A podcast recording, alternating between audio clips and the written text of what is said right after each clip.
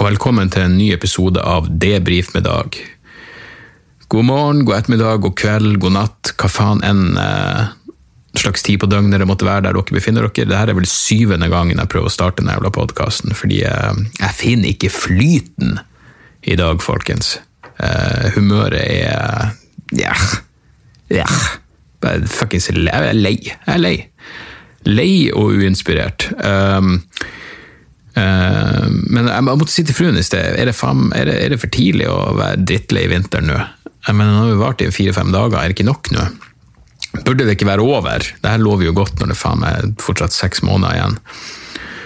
Men um, ja, på, på lørdag så Jeg har sertifikatet. Det, det, er mange som ser ut til å tro at jeg ikke har det, men jeg har sertifikat, jeg kan kjøre bil, jeg er en relativt stabil sjåfør. Men det er ikke så ofte jeg kjører bil.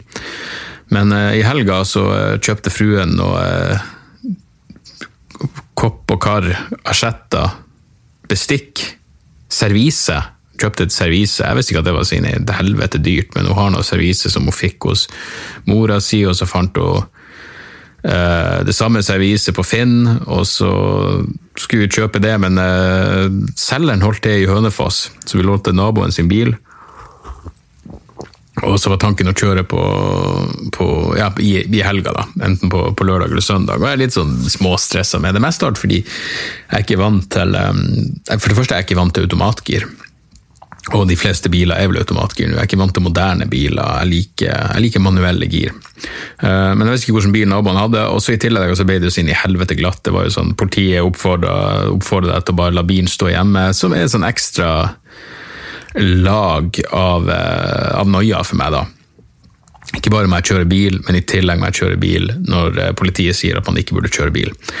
Eh, men det viste seg at heldigvis hadde naboen en, eh, vår kjære nabo hadde en, en, gammel bil med manuelt gir, og det var en, en, lettelse for meg. Så kjøreturen gikk fint, det var jeg og fruen og sønnen min, og eh, jeg, jeg er jo en, en ansvarlig mann. Så, så jeg var både edru og uthvilt når vi, når vi satt veien mot, mot Hønefoss. Og så kjøpte vi det jævla serviset og alle de asjettene og alt det og så når vi kommer hjem, da, så finner vi ut at Eller vi finner ut, jeg er jo ikke involvert i det her på noen måte, men fruen finner ut at det er jo ikke et servise, det er jo forskjellige serviser. Forskjellige serviser. Hva er, hva er flertallet av serviser? Et servise, to servis. Faen vet! Det var i hvert fall en masse forskjellig. Så skriv til hun der dama som har kjøpt oss, liksom. Du, det her eh, stemmer jo ikke, det er jo ikke ett CV. Jeg har ikke fått det jeg har betalt for, og alt det der. Og så svarer hun dama at jeg eh, å, oh, det visste jeg ikke, det kom fra et dødsbo, det, det, faren min hadde hjulpet meg med det her, mora mi døde, og så jeg visste ikke, nå ble jeg litt satt ut. Og så svarte fruen, fordi hun er et hyggelig menneske, det var trist å høre, jeg mista også mora mi for ikke så lenge siden, jeg vet hvor tungt det kan være. Men, ehm, men nå har jeg liksom ikke fått det jeg har eh, betalt for, da. Så et lite avslag hadde kanskje gjort seg. Tok det evigheter, mange dager, og dama svarte ikke. Og så svarte hun først nei. Et nei der. Og så, eh, så Før fruen rakk å svare på det igjen, så hadde hun skrevet du kan få 1000 kroner tilbake. 1000 kroner tilbake. Betalte 18 for hele dritten. Jeg har ikke fått det du har betalt for. Og, og det, det, fikk meg bare til å tenke. Hvor, hvor, mye For det første, hvordan kan jeg ta hevn? selvfølgelig noe av det første jeg tenker på. For hun vet jo at vi blir aldri å kjøre tilbake til fuckings Hønefoss. Men vi blir aldri å samle sammen av det her jævla alt det her faenskapet og, og, kjøre det tilbake. Så hun vet jo at hun da, la, la, Hvor mye ondskap slipper folk unna med. Ikke det at dette gjelder som ondskap, dette er jo bare kynisme, latskap eller ondskap i å ta for hardt i, men det er drittoppførsel. Men hvor mye ondskap er et resultat av at folk bare ikke gidder? Det slo meg da jeg leste den Catch and Kill-boka om Weinstein, at så mange av de damene som De ble, bare, de ble rett og slett bare lei. Han er det, det, var så slitsomt. Han driver og prøvde seg hele jævla tida og var så pågående. Altså, til slutt så var det noen som bare tenkte jeg er så lei av deg, kan du ikke bare komme i meg, så blir vi ferdig med det. Ikke sant? Det er slitsomt å si nei, kom i meg. så er vi ferdig med det faenskapet. Og Jeg mener ikke det som en trivialisering av, av voldtekt og overgrep på noen måte, men det er et eller annet med at man bare blir sånn ah, jeg gidder ikke. Og det, det skjønner jo den dama i Hønefoss, åpenbart. Den kvinnelige Harvey Weinstein. Eh, servisens svar på en voldtektskvinne. At eh, vi kommer ikke til å gjøre noe med det her. Vi kommer ikke til å kjøre tilbake, så da, da, da trenger du ikke å være fair i det hele tatt. Men eh, kan i det minste gi henne ei stjerne da, på Finn. Jeg går ut fra at de har noe stjernesystem der.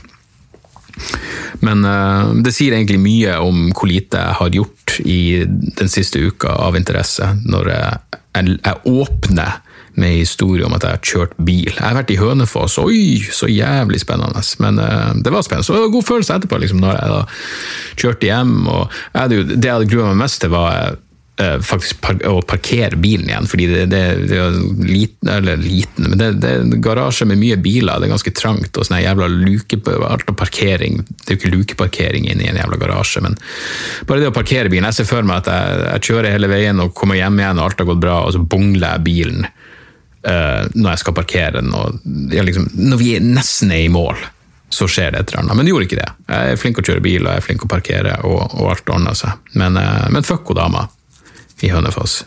Nå så inn i helvete.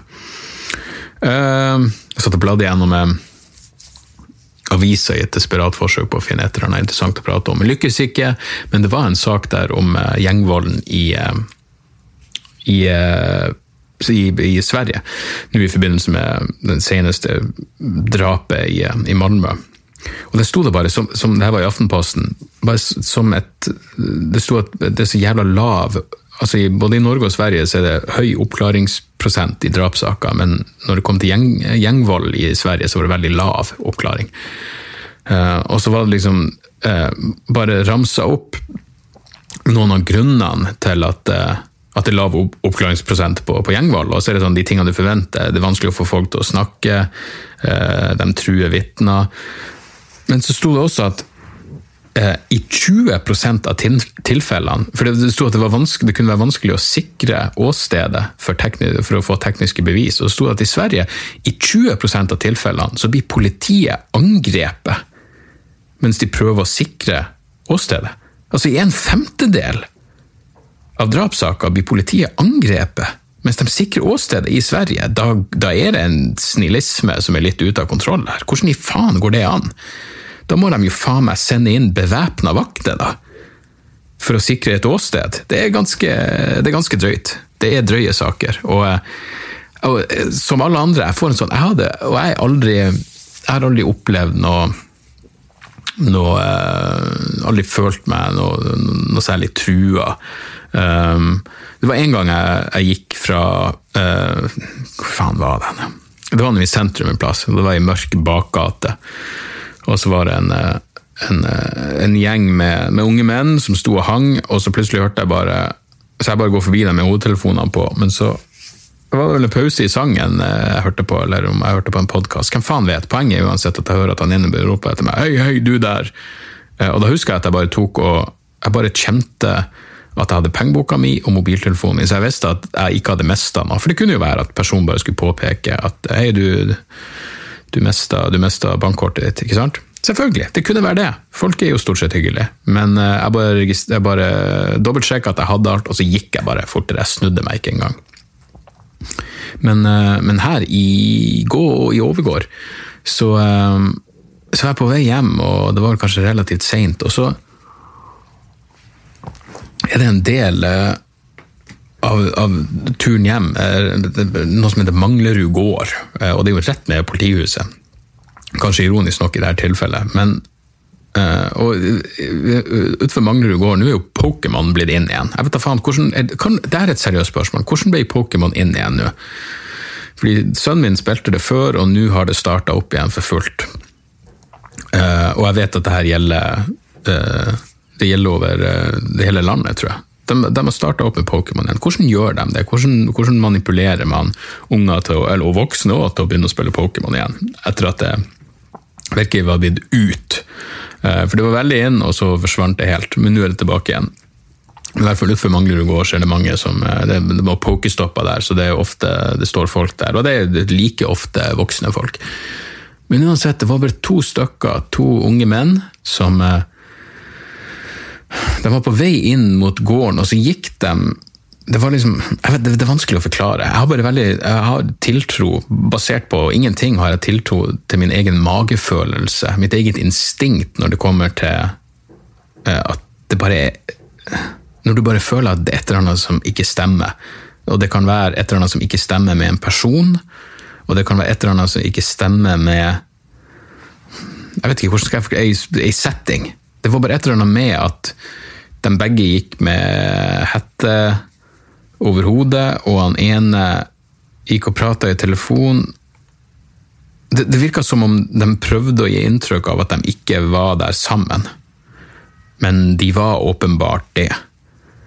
Eh, og Så kom de etter meg inn på Manglerud gård, og da, der, jeg, ikke, jeg kan ikke huske å ha gjort det her før, men da stopp, jeg kan ikke huske å ha gjort det her før fordi jeg tenkte nå kommer jeg til å bli rana eller noe, men jeg bare jeg, jeg stoppa opp og da tok frem telefonen og ja, ga vel kanskje et inntrykk av at eh, jeg var ute etter en pokerstopp. Um, men det var, det, og det, og det var jeg, Fordi jeg aldri gjør det, så ble jeg oppmerksom på Og jeg ville aldri gjort det hvis det ikke hadde vært en masse fokus på, på, eh, på eh, ungdomsvold i det siste.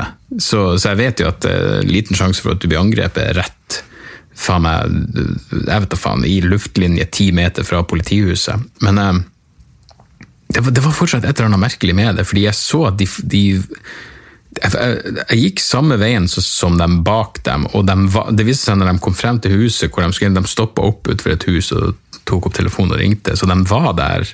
De var kompiser, de var der sammen, men likevel gikk de en sånn ti meters I mitt hode så var det sånn at de skulle Ja, det, det var noe rart med hele jævla greia. Uh, og det var enda mer rart at at jeg reagerte på den måten. Men jeg, jeg ser ikke på det som en sånn fallitterklæring. Det føltes, det var noe føltes feil.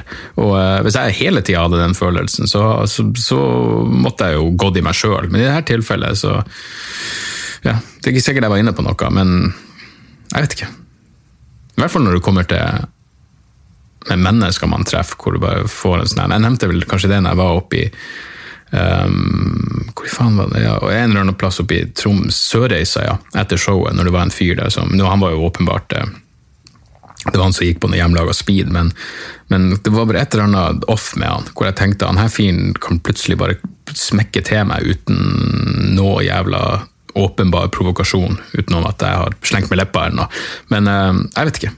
De, de, de, de gangene jeg syns at en situasjon virker suspekt, så stoler jeg på på magefølelsen min. Uansett. Uh, jeg har hørt jævla mye podkaster med Jeg tror jeg har funnet mitt nye favorittintervjuobjekt. Og det er Errol, Errol Morris, um, dokumentarfilmskaperen. Eller filmskaper, men først og fremst kjent for dokumentarfilmer. Fog of War og Thin Blue Line. og Known Unknowns. Han har, han har en sånn egen um, en egen intervjustil. Han har et helt eget kameraoppsett også, hvor han faktisk eh, får folk til å se i kamera, men han har øyekontakt. Han er ikke med i, i, eh, i bildet, men han har øyekontakt med de han snakker med, men det ser ut som de ser rett i kamera. Interrotron, tror jeg det kalles, det oppsettet hans. Men uansett, han har laga en dokumentar om eh, Steve Bannon. Eh, mann som eh, om ikke var uh, nøkkelen til å få Trump valgt, så var han i hvert fall en viktig bidragsyter. Og Ellen Morris har lagd en dokumentar som heter American Dharma om Steve Bannon. nå hadde jeg allerede sett hva heter den, den andre Steve Bannon-dokumentaren som kom for ikke så lenge siden. The Brink, tror jeg det var. men, men i hvert fall, poenget er bare at Ellen Morris er så jævla Han er så interessant. Jeg vet ikke. Jeg, jeg, hørte han på jeg har allerede glemt hva de podkastene heter. Jeg hørte han på jeg hørte min første episode av Alec Baldwin sin, eh, sin podkast. Um, og så hørte jeg på Conversations with Tyler, tror jeg kanskje. Hvor enn det var jeg faktisk hørte uh, The Hive, en podkast med Nick et eller annet. Hvis dere er interessert i å høre podkaster med Earl Morris, så vet dere vel hvordan i faen dere finner det. Men poenget mitt er bare at han, han er så jeg tror han har nådd en alder hvor han virkelig ikke trenger å late. Jeg vet ikke om han noen gang har måttet utgitt seg for å være noe annet enn det han er, men han, nå er han vel, jeg tror han nærmer seg 70, kanskje han er runda 70 til og med, så han, han er bare så jævla seg sjøl. Og har en så Jeg vet ikke, det, han har interessante analyser av ting, interessante svar på ting, og bare en interessant måte å se på. Han er sånn han sa bare 'jeg leser hele tida, gjør det meg lykkelig'? Nei, det gjør meg ikke lykkelig i det hele tatt, men jeg vet ikke om det er poenget. Uh, han er en sånn person som jeg tror ikke er overbevist om at lykke er nødvendigvis meninga med, med, livet. Jeg vet ikke om jeg er enig med han, men jeg vet ikke. Han, han er en fascinerende, jævlig fascinerende uh, person. Uh, ja, og bare hør om så den Alec Baldwin-podkasten, hva enn den heter, eneste ting. Det er interessant prat. Uh, og ja, det, det, jeg, jeg, tror bare jeg hører så mye podkaster, og selv om jeg hører på veldig mye forskjellig, så er det så sjelden man virkelig hører svar på ting som er sånn wow, det var en forfriskende uh, vinkel på ting, vinkling på ting. Så, så Aaron Morris er fascinerende, og, og serien hans, denne Wormwood på Netflix, er også absolutt å anbefale. jævlig bra. Jævlig bra halvdokumentar om om eh, CIA sitt uh, si, MK Ultra-program, og, og, hvordan en person ble muligens mye det liksom, Den handler om hvordan sønnen til en av, av Sønnen til en av CIA sine Han var vel en av kjemikerne til CIA, som ja, Han ble mest sannsynlig om han hoppa ut av et hotellromvindu eller han ble kasta ut, er vel fortsatt uklart. Eh, men, eh, men, det handler liksom om han, sønnen til denne personen sin, sin jakt på, på sannheten. Uansett, Earl Morris er the man.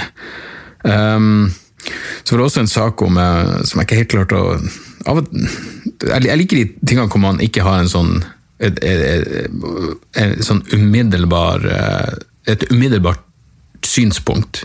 Um, og det var, en, det var, en, sak om um, at James Dean skal gjenoppstå i en ny film, hvor de vil digitalt gjenskape han på et eller annet vis. Og så var det etikken rundt det her. Er det greit? James Dean har vært død i jeg vet da faen, Hvor lenge har James Dean vært død? 40 år? Uh, er det greit å gjenopplive han til, til filmene? Men jo mer jeg tenkte på det, slo det meg familien hans har godtatt at James Dean skal brukes på nytt i 2019. Jeg vil også tro at det er relativt lukrativt. Så, så James Dean er jo død, og familien hans sier det er greit da er det vel bare å, å, kjøre på. Jeg mener, hvem bryr seg egentlig? Hvor fuckings nøye er det? Om 100 år er alt glemt, ikke sant? Ja. Hvis om 100 år mine barnebarn finner ut at hei, vi har lyst til å sette Dag på en hologramturné med den eh, like avdøde Kari Jakkesson, kjør på.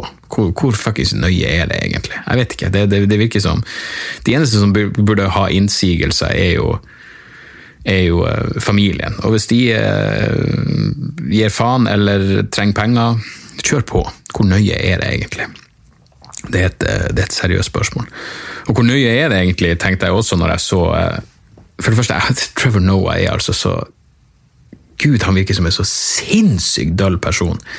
Eh, for et usannsynlig.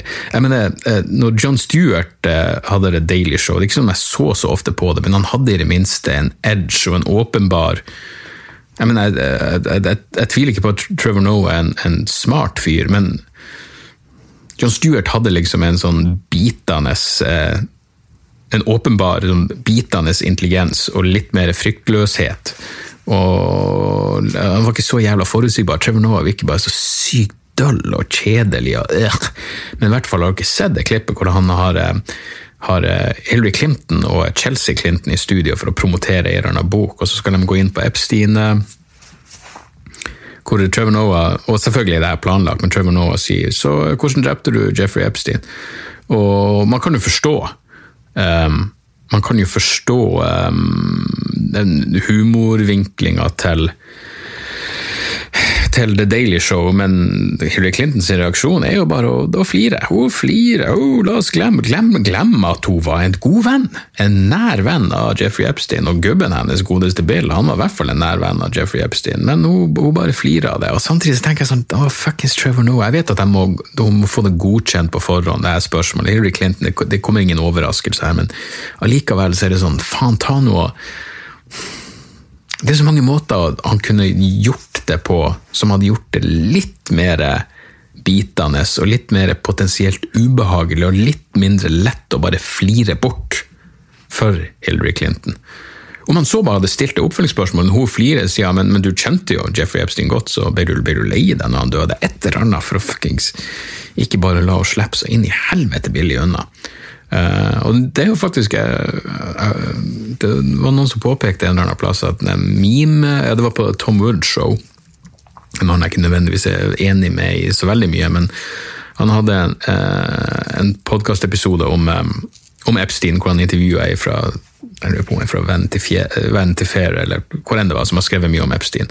Uh, hun mente at det var den meme-kulturen. for jeg, jeg, vet ikke hvor mange memes jeg har sett og fått tilsendt av venner av, av, av kompiser av, av Epstein. Uh, den, ja, med hvor punchlina på alle er at eh, Epstein ble drept, eller Epstein drepte ikke seg sjøl, eller uansett. Men hun mente at den, den meme-kulturen at de memene sprer seg, liksom, det bidrar til å holde denne saken i uh, bevisstheten til, til, folk flest. For eh, det er helt absurd hvis det her bare skal forsvinne ut i intet. Fy faen, alle er jo faen meg enige om at om at her er det ugler i mosen, særlig mest hardbarka skeptikere er vel enige om at um, Jeg vet ikke helt om vi kan kjøpe den offisielle historien akkurat når det kommer til, um, det kommer til, til Epstein. Uansett, vi er faen meg 21 minutter inn her. Det, det, er rart hvor lang tid det kan ta å si ingen verdens ting. Um, jeg hadde jeg, jeg, jeg, jeg, tror jeg har en ny showtittel, forresten. Jeg vil ikke dele den her, men uh, satan, jeg har gått så mye frem og tilbake, og uh, jeg har liksom ja, har, det er manageren min, og så er det Jan Tore. Det er liksom de, jeg driver og bouncer show, potensielle titler med. Jeg, særlig Jan Tore driver jeg bare sender hele tida. Hva tror han det er, Hva tror han det er? Fordi Jan Tore svarer ærlig. Han sier nei, den er døll, nei, det der høres ut som Trond-Viggo Torgersen-show. Og det er sånn oi, satan, da må jeg, da må jeg skjerpe meg. Da må jeg gå i meg sjøl.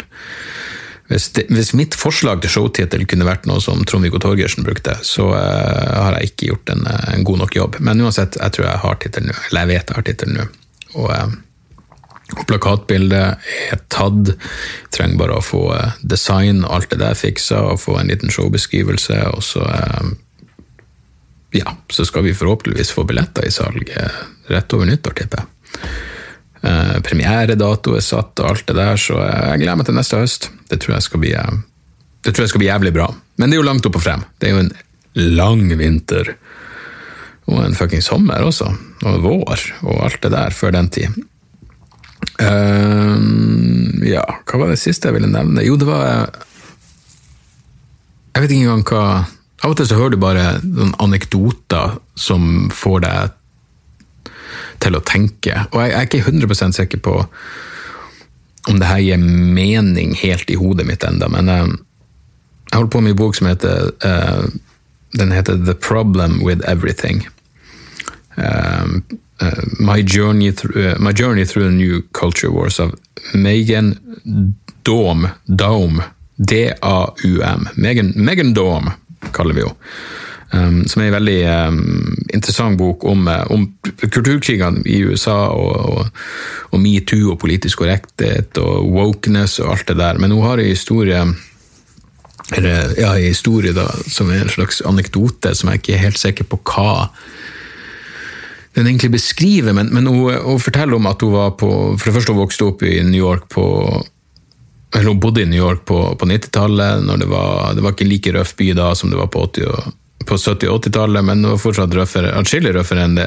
New York var atskillig røffere da enn det er nå, og sa det å ta T-banen på 90-tallet var det var jo det var mye mentale sykdommer og galskap i hver jævla T-banevogn. Altså det var mye mentalt ustabile folk der, og det var bare en del av greia. Men så forteller hun at for et år eller to siden så satt hun på, på T-banen i New York, og så hadde det kommet om bord en, en, full og mest sannsynlig mentalt syk, hjemløs, svart mann. Um, og han hadde liksom prøvd å komme i kontakt med folk i T-banevogna. Han begynte å prate til henne, og hun hadde anerkjent han og liksom sagt hei, men så hadde hun bare oversett han. Hun hadde liksom ikke lyst, hun hadde, hun hadde andre ting hun ville gjøre enn å, enn å, prate med denne karen. Og så hadde det vært en, en, en gjeng med unge jenter som eh, ifølge Megan da åpenbart var turister eller eh, suburbanites på vei inn til, for å feste i byen. De så altså det her blir jo hennes ord da, hennes, hennes uh, perspektiv og hennes antagelser, men, men de her uh, jentene fikk uh, uteliggeren til å sette seg ned i lag med dem, og de satt og prata med han, og flirte og gigla og alt det der. Um, og i hennes hode så, så, var han veldig eksotisk for dem. Og da hadde visst ikke blitt noe, noe ubehagelig. Han røyste seg for å gå, så oh, de, de sendte kyss hans vei, og han sa 'have a beautiful evening, ladies'. Og var veldig så høflig. Og idet han skal gå ut av T-banevognen, så går han bort til Megan her, og så sier han 'and you have a fucked up night, bitch'. Og så gikk han. Og hun skvatt litt. Uh, og så begynte hun å flire for seg sjøl, fordi hun syntes bare 'have a fucked up night'. Hun syntes det var en ganske morsom linje. Uh, og så fortsatte hun å lese boka si eller se på telefonen. eller hva hun gjorde. Og da var det to uh, unge menn som satt i nærheten, som sa til henne at I'm so sorry for what happened. I'm so sorry. Hun var sånn Nei, hva man skal gjøre? Hvor nøye er det? Men de fortsatte å be om unnskyldning på vegne av uteliggeren, og da slo det henne.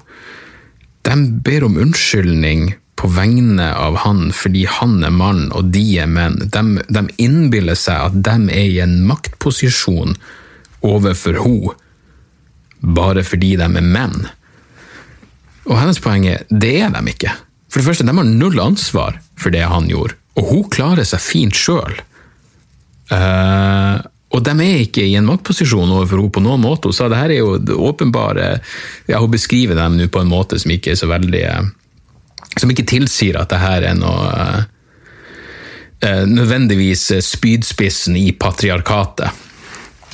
Ikke sant? Og jeg vet ikke, den historien fikk meg bare til å tenke at det er noe Ja, det, det, det, det er en interessant observasjon, og jeg tror nok at det er noe, noe i det. Og det er derfor jeg bare får Det er derfor du får fuckings frysninger når, skal, når, noen skal be om unnskyldning på vegne av uh, kjønnet mitt og alt sånt der. Ah, det, har skjedd et eller annet. Hun, hun, og Megan jeg mener jo åpenbart at, uh, at hva enn den moderne feminismen er, så er den så For det første er den på mange måter infantil, men den er også så Ja, den er så ekstremt offerfokusert. Så uh, det, det, det, er mer å si om det her, folkens, men hvis, hvis dere syns den type jeg håper å si tanker og analyser er interessant, så kan jeg anbefale denne boka The Problem with, the, the problem with Everything. Uh, la oss ta et par mailer. Jeg kommer for eksempel, eh, for eksempel jeg kommer forresten til uh, I morgen reiser jeg til Bryne ha to show en eller annen plass. Jeg vet ikke hvor. Uh, første show er utsolgt, men det er noe sånn 10-20 billetter igjen til det andre showet. Det er Hans Magne Skar og noen lokale komikere. Og på Fredag så er vi i Stavanger. Jeg tror det er utsolgt, men det, er sånn klubb, klubbkvelder. Uh, for å teste ut litt ting. Og Stavanger kommer jeg tilbake med, med selve showet mitt. Selvfølgelig. Kommer til Stavanger eh, neste, neste, høst en gang. Eh, skal vi se Men la oss ta vann og her. Skal vi se eh, Sebastian skriver fire stjerners middag. Uh, Sebastian uh, skriver hei. Du har jo ved et par anledninger nevnt at du har takka nei til de fleste realityshowene du har fått tilbud om å være med på, inkludert Fire stjerners middag, men dette stemmer vel strengt tatt ikke.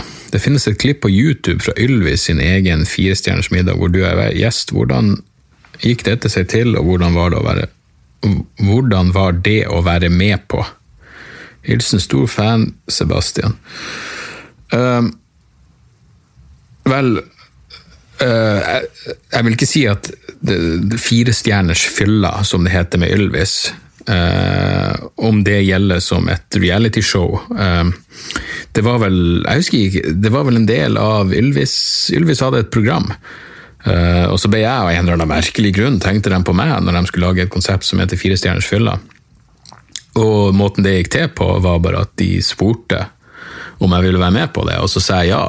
Og straks jeg kom dit, så begynte jeg å angre, fordi jeg kjenner ikke Ylvis, Ylvis noe godt. Og jeg begynte å tenke sånn, er det her noen bakholdsgreier, skal man drites ut på et eller annet vis? Uh, jeg ser for meg, fordi vi ble liksom bare, vi møtte opp uh, en eller annen plass, og da var ikke Ylvis der, og så fikk vi beskjed om at vi skal kjøre ut til et hus. Der er dem, dem er fulle allerede, men her er sprit, begynn å drikke.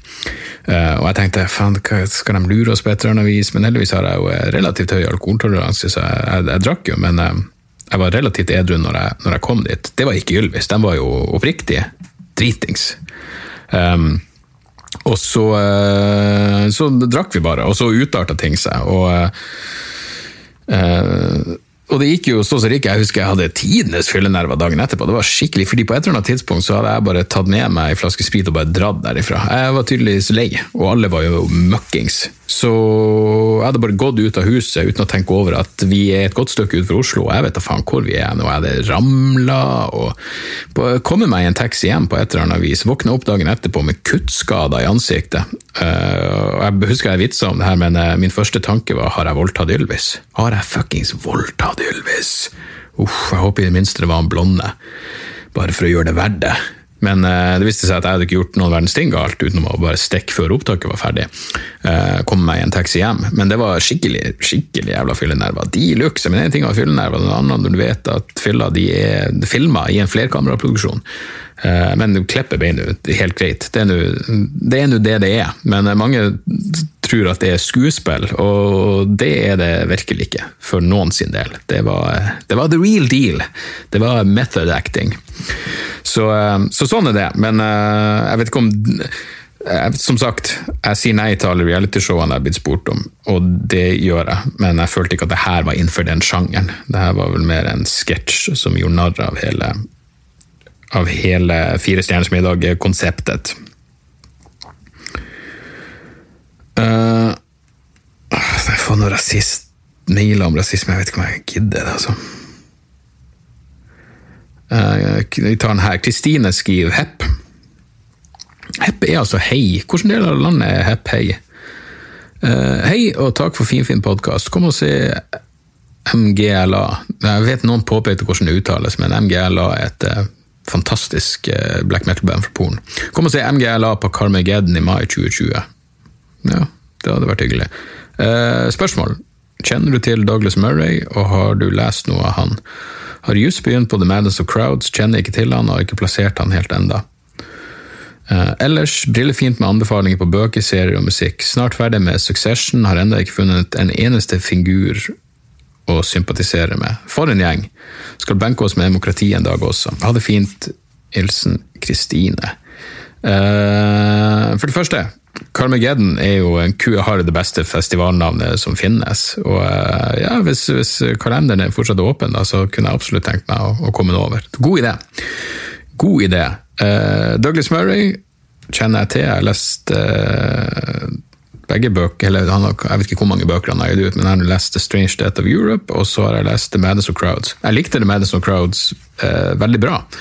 Um, han har noen gode poeng der. Det, jeg, det tror jeg, jeg, tror jeg, har tipsa om den boka på denne podkasten før. Men det er jo uansett en um, ja, På mange måter i likhet med The Problem with Everything, så er det en kritikk av uh, politisk korrekthet. Og, og, Douglas Murray tar vel for seg kjønn, rase og gender, race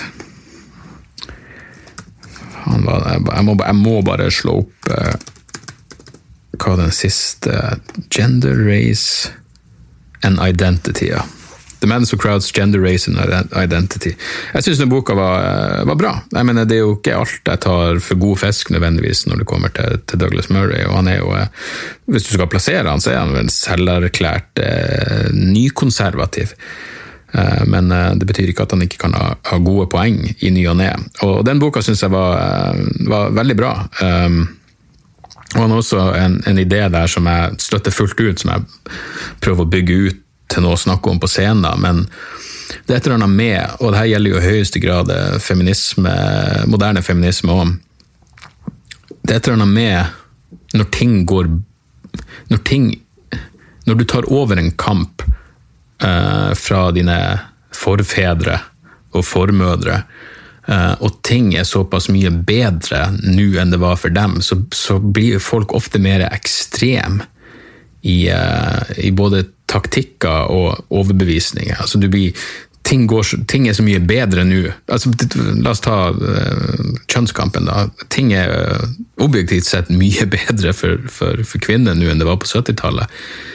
Men, men, retorikken og men retorikken rundt kjønnskamp, i hvert fall fra de mest, selvfølgelig fra de mest fanatiske vingene av av feminismen er, er, er, mer ekstrem enn den var på 70-tallet. Og, um, og, og, han spekulerer jo om det kan være en, et resultat av at en slags nostalgi i forhold til det at du skulle egentlig ønske at du var på barrierer.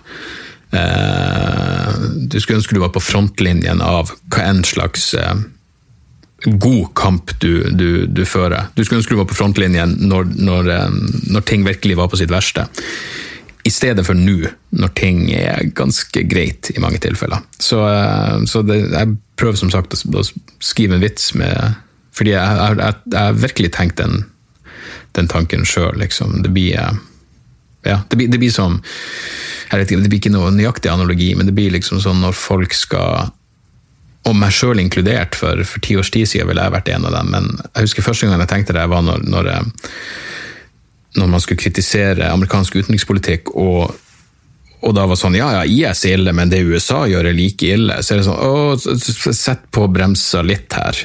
Uh, du kan uh, Ingen har vært Ingen. Jeg har vært en kraftig kritiker av mange aspekter med amerikansk utenrikspolitikk, men jeg syns virkelig ikke du kan likestille det IS står for å gjøre, med det det amerikanske militæret blir sendt for å gjøre.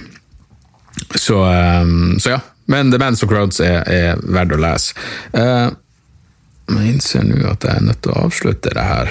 Um, har jeg noen tips på slutten? Ja, jeg har ja, The Problem With Everything-boka. Um, et lite musikktips. Uh, Wilderun. Wilderun. Wilderun. W-I-L-D-E-R-U-N. Som er et prog metal-band fra Boston i USA, tror jeg. Uh, hvis du liker gammel Opeth, så er det her, uh, så er det her for deg. Dette er den første skiva jeg har hørt av dem, men den heter Veil of Imagination, og uh, den virker meget, meget bra. Her er det mye å sette seg inn i, men jeg har hørt på nok til å skjønne at den her skal den her skal spinnes flere ganger, fordi den virker, virker riktig så riktig så jævlig bra. Så er det også, Hvis du ikke har nok russisk black metal i, i livet ditt, så kan jeg anbefale uh, Second to Sun og skiva Legacy. Virker også meget, meget bra.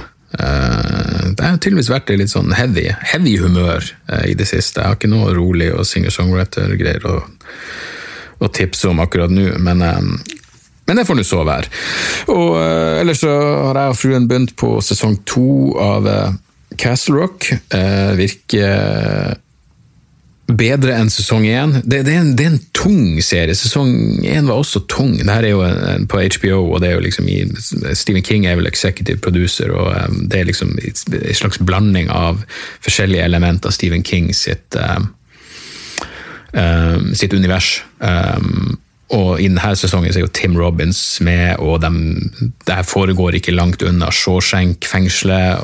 Så eh, det er mye For en eh, Stephen King-fan og nostalgiker så er det veldig fint. Og så er det ei drapsscene i denne sesongen som bare var sånn Holy shit! Det var faen meg Det er så bra når du kan når, noen lager det trenger jo ikke være vold, men i dette tilfellet var det vold, så bare får deg til å sette deg litt opp og bare fuck, det var, det var noe nytt bare i måten det var, det var lagd på. Uh, så uh, ja, nei, Castle Rock sesong to kan, uh, kan, absolutt anbefales. Og det er jo ikke sammenheng mellom sesong én og sesong to heller. De er jo de er frittstående. ellers holder jeg på å bli ferdig med The Affair nå. Jeg er vel halvveis ute i siste sesong fem. Det er liksom det jeg har det er det jeg glor på når jeg ser på ting alene. Jeg hadde en sånn rar en her i kveld, en kveld hvor jeg bare Jeg er jo en uh, uh, lettrørt person, men på Jeg vet ikke engang hva sammenhengen er, men det, det er I Alle elsker Raymond, av alle ting i verden, så husker jeg enda at jeg husker det var en episode av Alle elsker Raymond. Det, det her går litt på Uh, siden, vi nå har pratet, siden jeg har kritisert moderne feminisme, så er en av de tingene jeg har lagt merke til, er at hver gang når, når det skal være sånn stereotype fremstilling av menn og kvinner, så minner jeg bestandig mer om den stereotype fremstillinga av, av kvinner. Um, og Alice Raymond er vel sånn klassisk eksempel på ja, veldig uh, klassiske kjønnsroller. Men da husker jeg at det er en uh, episode hvor uh, Ray skal vet, han, han, drar nå ut en plass, og så tror han glemmer et eller annet, så han kommer tilbake, og så ser han at kona hans bare sitter og gråter. Så han spionerer liksom på å prøve å forstå hva faen som foregår, og så tar han det opp med seinere. Og så Først er jo vel sånn uh, altså Det her går på minnet av en fucking serie som det er 20 år siden jeg har sett, men i hvert fall han, han, konfronterer med det at hun bare satt og gråt og lurer på hva som er galt, og hun sier av og til er det bare godt å gråte.